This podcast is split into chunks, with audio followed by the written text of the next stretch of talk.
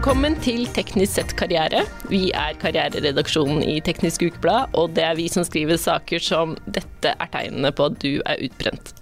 Jeg er Kjersti og sitter her sammen med min gullkollega Tuva. Hei, hei. Og vi har fått besøk av en fyr med mer hår enn hjerne. Det stemmer kanskje. Eh, Det var jo Vålerenga Klan som sang det da jeg var eh, fan en kort periode på tidlig 2000-tall. Jeg har i hvert fall hørt det før. ja, det regner jeg med. Eh, Velkommen, Tom Henning Øvrebø. Tusen takk, hyggelig å få komme. Og du er, var jo da fotballdommer. Så. Ja, stemmer. Men Tom Henning, det riktige er vel at du har mer hjerne enn hår, kanskje? Ja, det skal ikke jeg ta stilling til, men jeg får i hvert fall håpe det. For det er, panneluggen har jo blitt ganske kort med årene, så jeg får jo håpe at det er litt å bidra med, i hvert fall. Ja. Fordi du er arbeids- og organisasjonspsykolog. Det stemmer. Eh, har du vært utbrent noen gang? Nei, jeg tror ikke jeg har vært utbrent, men det er nok perioder hvor man kan kjenne at man er veldig sliten. Eh, Men det er jo langt fra det å gå og være sliten til det å bli utbrent. Eh, Men utbrent tror jeg ikke jeg har vært. Hva er egentlig forskjellen eh, Nå har jo utbrenthet fått en definisjon, men hva er forskjellen på utbrenthet og det å være veldig, veldig sliten? Ja, Du kan si at sliten kan man jo bli uansett, om det er arbeidsrelaterte forhold eller om det er andre ting i hverdagen som, som preger den. Mens eh, utbrenthet er jo ofte knytta til eh, arbeidsrelaterte forhold. Hvis man da står i arbeidsrelatert stress over lengre tid, så kan man jo i verste fall da bli utbrent. Og så har nok også utbrenthet en helt annen klang i seg, i den forstand at eh, det er noe mer alvorlig enn å være sliten. Hvis du er sliten etter en hard arbeidsuke f.eks., så tar du helga og så får du hvilt litt, og så føler du deg fin igjen på mandagen. Fins det noen somatiske konsekvenser av det å være utbrent? Ja, absolutt. Eh, Man ser gjerne det at det å bli utbrent kan bare både føre til mer somatiske plager, som du er inne på, og også psykiske ting. Man kan merke en indre uro, man kanskje merker mer spenninger i, i, i kroppen, man klarer ikke helt å slappe av. Altså Man er litt sånn, sånn konstant aktivert, og kanskje man også kan slite med muskelspenninger og, og hodepine også, for så vidt. Eh, Og så kan man også da oppleve en del mer eh, psykiske eller kognitive effekter av det, f.eks. hukommelsesproblemer, konsentrasjonsvansker. Man går litt sånn rundt i en, form for en hjernetåke eh, og klarer ikke helt å utføre de oppgavene som man vanligvis har klart, på en, på en tilfredsstillende måte. Hva slags andre type konsekvenser kan det få? Kan du få problemer med f.eks. rus, eller altså hvilke sånne type konsekvenser? Ja, Det er i hvert fall sånn som kan skje. fordi at Det er klart, eh, det er noe man da heller bruker for en form for kall gjerne selvmedisinering. At man, det blir en form for eh, flukt fra det som er vanskelig. At man da kanskje begynner å ta seg en ekstra drink om kvelden, eller at man drikker litt ekstra øl. eller Det er ikke uvanlig, selv om ikke nødvendigvis det er det folk gjør mest av. Så, så ser vi det at enkelte da kanskje eh, øker alkoholkonsumet sitt for å på en måte takle den hverdagen eh, de står i, som da kan oppleves veldig krevende. For ofte så blir det jo sånn at man bare jobber mer og mer og mer for å prøve å få uh, unnagjort en del arbeidsoppgaver. Og så oppleves det som man ikke kommer helt i mål, og så finner man da andre måter å, å døyve det ubehaget og det stresset på. Som f.eks. da ved bruk av, av alkohol eller andre rusmidler Hva er det dere ser mest av, da? de, de få tilfellene jeg har nå for tida, så, så syns jeg ofte mer jeg ser en, en, en, en tiltaksløshet, en isolasjon, en oppgitthet, eh, hvor folk da mer kan du si, blir fortvila og frustrerte og, og, og, og er inne i en kan du si, negativ spiral de opplever at de ikke kommer ut av, uten at de dermed tyr til rusen. da. Nei. Men når det smeller for folk, hva kan de gjøre for å, for å snu det? En av de tingene i hvert fall vi psykologer liker å tro er, er nyttig, og som vi også ser gjennom forskninga kan være nødvendig når man har kommet så langt at man har blitt utbrent, er jo det å, å, å få snakket med noen. Enten det da er en medarbeider eller en leder eller eh, kona eller ektefellen eller hvem det nå måtte være. Og, og noen også har nytte av å, å kan du si, gå til en psykolog og kanskje få bearbeida en del av de tingene der. Så det er en bit eh, som, som, som kan være viktig. Og så er det nok også viktig da å prøve å finne andre aktiviteter som kan bidra med litt eh, glede og, livslyst, og kanskje også da vurdere om eh, bør jeg kanskje finne meg noe annet å gjøre på sikt. Altså er, er dette jobben for meg, er det for tungt det jeg står i? Eh, så det kan jo noen, være noen også da som har mer behov for en, kan du si, en, et karriereskifte, fordi at uh, den jobben man står i, blir for, blir for tung. Mm. Det å gå til psykolog Jeg leste at uh, du har uh, studert kognitiv terapi. Ja. Kan du forklare hva det er, og hvordan det kan brukes i denne sammenhengen? Ja, altså Kort fortalt så handler det om hvordan kan du si, tanker og følelser og handlinger henger litt sammen. Eh, vi har jo alle en del eh, tanker som dukker opp i løpet av dagen, og noen av de tankene er jo kanskje med et negativt fortegn. Eh, det kan være at jeg er ikke god nok, jeg er verdiløs, jeg får ikke til noe. Altså en del sånne negative, destruktive tanker. Og i en kognitiv tilnærming så vil jeg veldig ofte være opptatt av å prøve å utfordre det tankesettet. For å se om det kan være andre måter å, å på en måte se på seg selv og omverdenen og framtida på enn det man kanskje går og og, og, å kjenne på. Eh, så da jobber vi mye med det vi så fint kaller for kognitiv restrukturering, og prøver å utfordre dette tankesettet. Eh, så det er én bit av det. Eh, og så er det viktig at det heter kognitiv atferdsterapi, så vi prøver også å jobbe da på, på mer atferdsnivå, med å prøve å få folk litt i aktivitet igjen, eller finne aktiviteter som, som kan være, være fine å, å komme litt i gang med. Eller, eller sjekke ut ulike antakelser gjennom å ta ulike atferdseksperimenter. Eh, så, så, som kognitiv terapeut, eller når man da jobber med en kognitiv tilnærming, så er det ofte tanker og, og følelser og handlinger som er i fokus, men man da særlig jobber med tanker og, og, handlinger for å se om det kan påvirke eh, følelsene. Og så er det viktig å understreke da, at det er jo ikke tankene i seg selv som gjør oss utbrente eller depressive eller engstelige, men vi ser at ofte tankesettet vårt kan være med på å opprettholde problemene. Sånn at ved å utfordre de litt og se om vi kan jobbe med de, så vil man kanskje da kunne få, eh, få justert litt på den kursen man er inne på. da. Men så hvis vi skal ta et eksempel, da. La oss si at jeg er utbrent eh, og er litt i den tiltaksløsheten, eh, isolasjonen, og tenker at eh, Nei, jeg kommer aldri til å mestre jobben igjen. Mm. Helt, hvordan vil du ta tak i det? Da? Da vil, da vil, jeg utfordre deg på en måte. Også, liksom, hvor, hvor, sikker er du på det? Hvordan kan du vite det? Det der er en sånn klassisk tankefelle, da, at man spår om framtida. Det er ikke noe man kan vite. Så, så, da handler det litt om å utfordre det tankesettet hos deg. da, altså Hvordan kan du være sikker på det. Og Så handler det kanskje også i tillegg om å se litt sånn, hva er viktig for deg? Hva, hva ønsker du at livet ditt og hverdagen din skal handle om? Eh, og hva er grunnen til at den nå har tatt en litt annen retning enn det du ønsker? Så i tillegg til å jobbe med, med, med tankene, så syns jeg ofte det kan også være nyttig å jobbe med kan du si, verdier og, og, hva som er viktig i den enkeltes liv, og hva jobbhverdagen og hverdagen generelt skal handle om videre.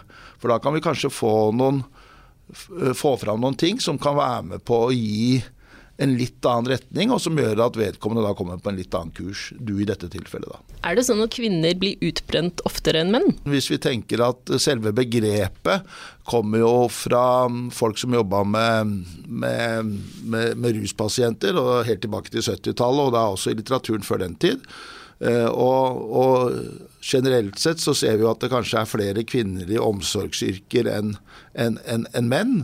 Eh, og, og, man vet også det at de personene som da er veldig pliktoppfyllende, omsorgsfulle, eh, har mye empati, enten man da jobber i helsesektoren eller i andre eh, kan du si, sektorer, kanskje har en større tendens til å bli utbrent enn de som er mer distanserte, kyniske.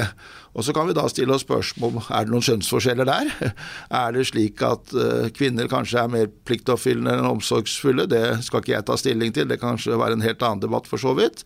Men, men vi ser i hvert fall at de personene som ikke setter grenser, jobber tett med mennesker eller andre har andre tøffe arbeidsoppgaver, kanskje har en større tendens til å bli utbrenthet utbrente enn de som da eh, ikke har den samme, kan du si, personligheten. Eh, så, så, det kan nok kanskje være noen skjønnsforskjeller der. Og Så ser vi også det da at kvinner ofte er flinkere til å be om hjelp eh, når det butter enn det menn er.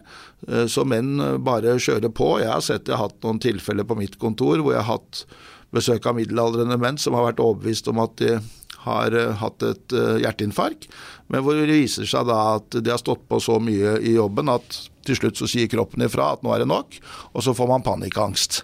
Eh, og så er det veldig da likt det å ha et hjerteinfarkt. For mange oppleves det veldig likt. Så man på en måte søker ikke hjelp før kroppen gir et veldig tydelig signal. da. Eh, så det kan nok være flere faktorer som på en måte spiller inn der. Eh, ja, for jeg leste at uh, menn og kvinner er like utbrente, men menn fanges ikke opp. Kan det stemme? Det kan nok stemme.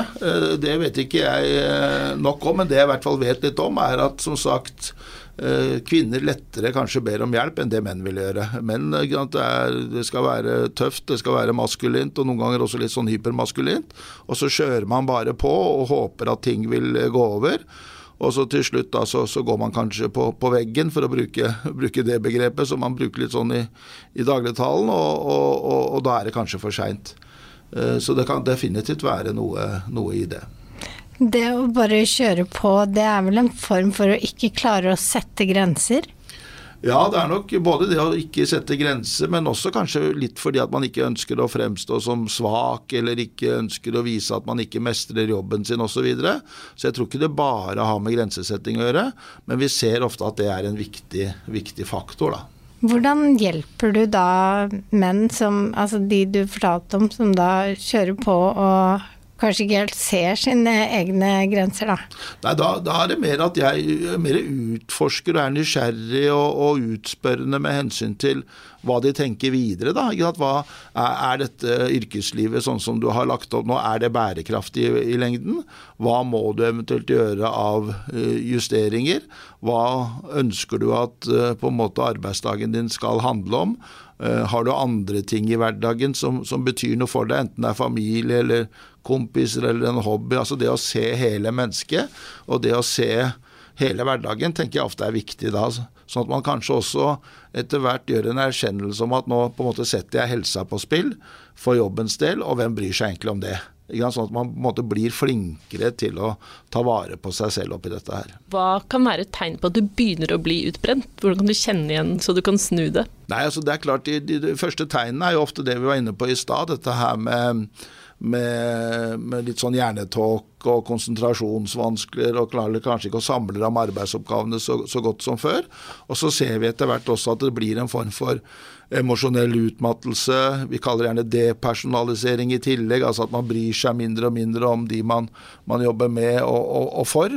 Og så ser vi også det at man da etter hvert i hvert fall for egen del opplever at man er mindre, mindre effektiv på jobb. Eh, og det er klart Dette er liksom de klassiske tegnene på utbrenthet. så Hvis man merker dette her i, i stor grad, så, så, kan det da være fornuftig å ta en prat med sjefen sin eller en kollega eller i bedriftshelsetjenesten for å forebygge at man ikke drar det for langt. Hva kan man si da, hvis man kjenner på dette her, og det kan jo være vanskelig å dele sånne tanker? Ja, jeg tenker at det aller viktigste når, når, da vi har en kollega eller en i familien som har valgt å åpne seg, er å vise forståelse. Eh, sterke følelser og, og store stressbelastninger, at det gjerne møtes med medfølelse.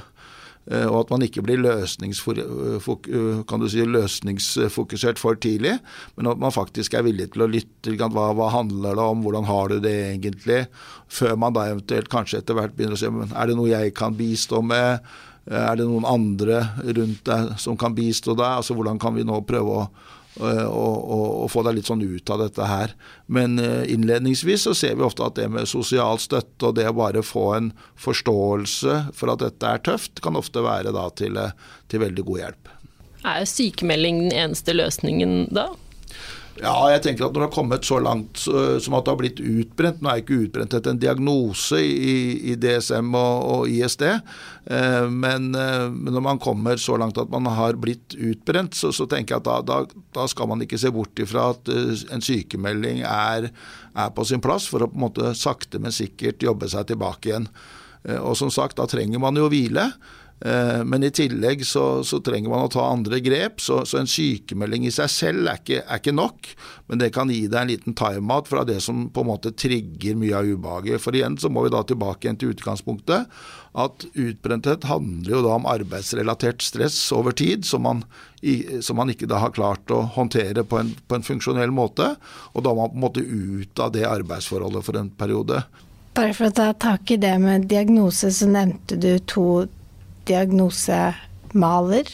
Ja, stemmer. Det er bare, kan du si, DSM-5 og, ISD, nå kommer vel nummer 11-utgaven, men, men, det er rett og slett to diagnosemanualer som brukes mye for å forklare ulike typer lidelser. Og i de diagnosemanualene så er ikke utbrenthet en egen medisinsk diagnose, men det står mer under, kan du si, eh, arbeidsrelaterte forhold. Men du kan få en sykemelding med da utbrenthet som allikevel ja, årsak? Da, det kan godt hende at utbrenthet er nevnt da, kan du si, på, i, i legeerklæringen, men det vil nok da ofte stå en annen diagnose, da. Ikke sant? At det er en depressiv lidelse eller en annen type ting de da, da, da skriver der, som er i henhold til, til mer diagnosesystemet. Syns du utbrenthet burde være en diagnose? Nei, Det har ikke jeg noen sterke meninger om. Tror heller ikke vi skal sykeliggjøre alt mulig. Men, men, det viktigste for meg er at folk får den hjelpa de, de, de, de, trenger når de har problemer. Og så at folk rundt har den forståelsen for, for de tinga man, man, sliter med. Men nå har vi jo snakket om eh, hvordan du kan jobbe med å snu tankene. Er det andre type ting? Altså du er jo tilknytta Norges idrettshøyskole. så trening? Ja, altså fysisk aktivitet, enten det da handler om å trene hardt, eller om det handler om å gå en tur i, i fjellet eller et annet sted som, som er ålreit å gå, det vet jo at det har en god effekt også på den psykiske helsa. Sånne type ting er, jo, er det jo viktig å få lagt inn. Og, og, dessverre så ser vi jo det at det er jo kanskje da ting det skorter litt på når arbeidsdagene blir veldig lange og man prøver å ta igjen det man eh, ikke har fått til i løpet av de åtte timene man har til rådighet, og, og det er ikke nødvendigvis et, et, et godt tegn. Men det å da ha gode rutiner for å holde seg fysisk aktiv, og det å være i bevegelse og trene, og kanskje til og med gjøre noe sosialt ut av det, det er klart det er, det er god livskvalitet og god forebygging i det. Nå er vi jo på hjemmekontor igjen. Eh, hva er det som eventuelt er risikabelt med det, med tanke på utbrenthet? Nå I løpet av denne tida vi har stått i med pandemien, så, så ser vi det at folk har en tendens til å kan du si, kall det gjerne visne litt. Man, man, mister energien og, og, og, man er litt flatere. En ting er den sosiale biten man, man, man går glipp av. ikke sant? At man, blir sittende hjemme ofte Eh, og jobber med ting aleine, og man er redd, eh, lei av å se eh, kan du si, kollegaene sine bare på Teams og, og Zoom og, og, gjennom PC og Mac. En annen ting er jo det å ha et, et tydelig skille mellom når jeg er på jobb, og når er det privatliv. Altså når er det på en måte jeg stempler ut, og når er det jeg stempler inn. Og så blir det ikke de samme rutinene, da. ikke sant. Dette her med å ta vare på seg sjøl litt, stå opp om morgenen når du er på hjemmekontor, så er det kanskje rett inn i treningsbuksa, rusle ned og, og, og, og komme i gang med, med, med, dagen. Men hvis du da skal på kontoret, så kanskje du steller deg litt mer, og, du får i deg en god frokost, og du har liksom helt andre rutiner i hverdagen. Og jeg tror det er viktig at vi ikke undervurderer disse rutinene. Så vi ser jo det at de som da har klart å opprettholde en del rutiner nå i løpet av pandemien også, på et vis klarer også å stå i det og håndtere det noe bedre. Men det at det varer og varer, og vi ikke helt vet slutten på det, hva gjør det med oss? Nei, Det gjør jo at vi kanskje blir litt, får en litt sånn følelse av, av mektighet og hjelpeløshet. Altså fordi at det, hverdagen blir lite, lite, lite forutsigbar. Eh, og det er klart, det vet vi fra, fra psykologien og forskninga, at det kan være krevende å stå i hvis det er i situasjoner vi på en måte ikke får gjort noe med. Eh, og det også er vanskelig å vite når det endrer seg. Eh, og så er det også da disse kan du si, kall det gjerne stadig tilbakeslagene også folk kan kjenne på innimellom. At nå, altså, nå lysner det, og så, så, gjør det ikke det allikevel. Eh, og det er klart at når man da stadig vekk får disse slagene, eh, så kan det være tøft å stå i, og mange vil kjenne det. Og, og det vet vi også fra forskninga som har blitt gjennomført nå under pandemien, at det er flere som har fått psykiske plager og, og, og, kjent på det stresset. Men så ser vi i hvert fall uh, også at uh, heldigvis er det ikke så mange som har fått uh, flere psykiske lidelser. Hvordan trives du på hjemmekontor? Nei, Jeg trives heldigvis ganske godt på det. Det, har jo gjort denne pandemien kanskje litt lettere for meg enn f.eks. For, for samboeren min, som er mye mer ekstrovert og som liker å jobbe i et uh, sosialt fellesskap på jobben. Mens jeg trives godt uh, på hjemmekontor. Jeg syns det er godt å ha liksom den, den, roen jeg, jeg, kan få da. Men så har jeg jo merka det også da når f.eks. ungdommen i huset har hatt hjemmeskole, og samtidig at da er det vanskelig å få konsentrert seg om, om, uh, om arbeidet. Men har du noen triks? Står du opp og tar på deg slips eh, klokka åtte om morgenen f.eks.? Nei, jeg, jeg, gjør ikke det, altså, men jeg prøver å opprettholde noen av rutinene. altså Det jeg vanligvis gjør om, uh, gjør om morgenen, så, så det har hjulpet uh, noe. Eh, og så prøver jeg også da, i hvert fall til en viss grad, å være litt sånn fysisk aktiv i løpet av dagen, uten at jeg nødvendigvis trener så veldig hardt, men kanskje bare gå meg en tur i nabolag eller få litt frisk luft, at jeg ikke bare blir sittende inne. Ja, gode råd på slutten her. Ja. Tusen takk for at du var med oss, Tom Henning Øvrebø.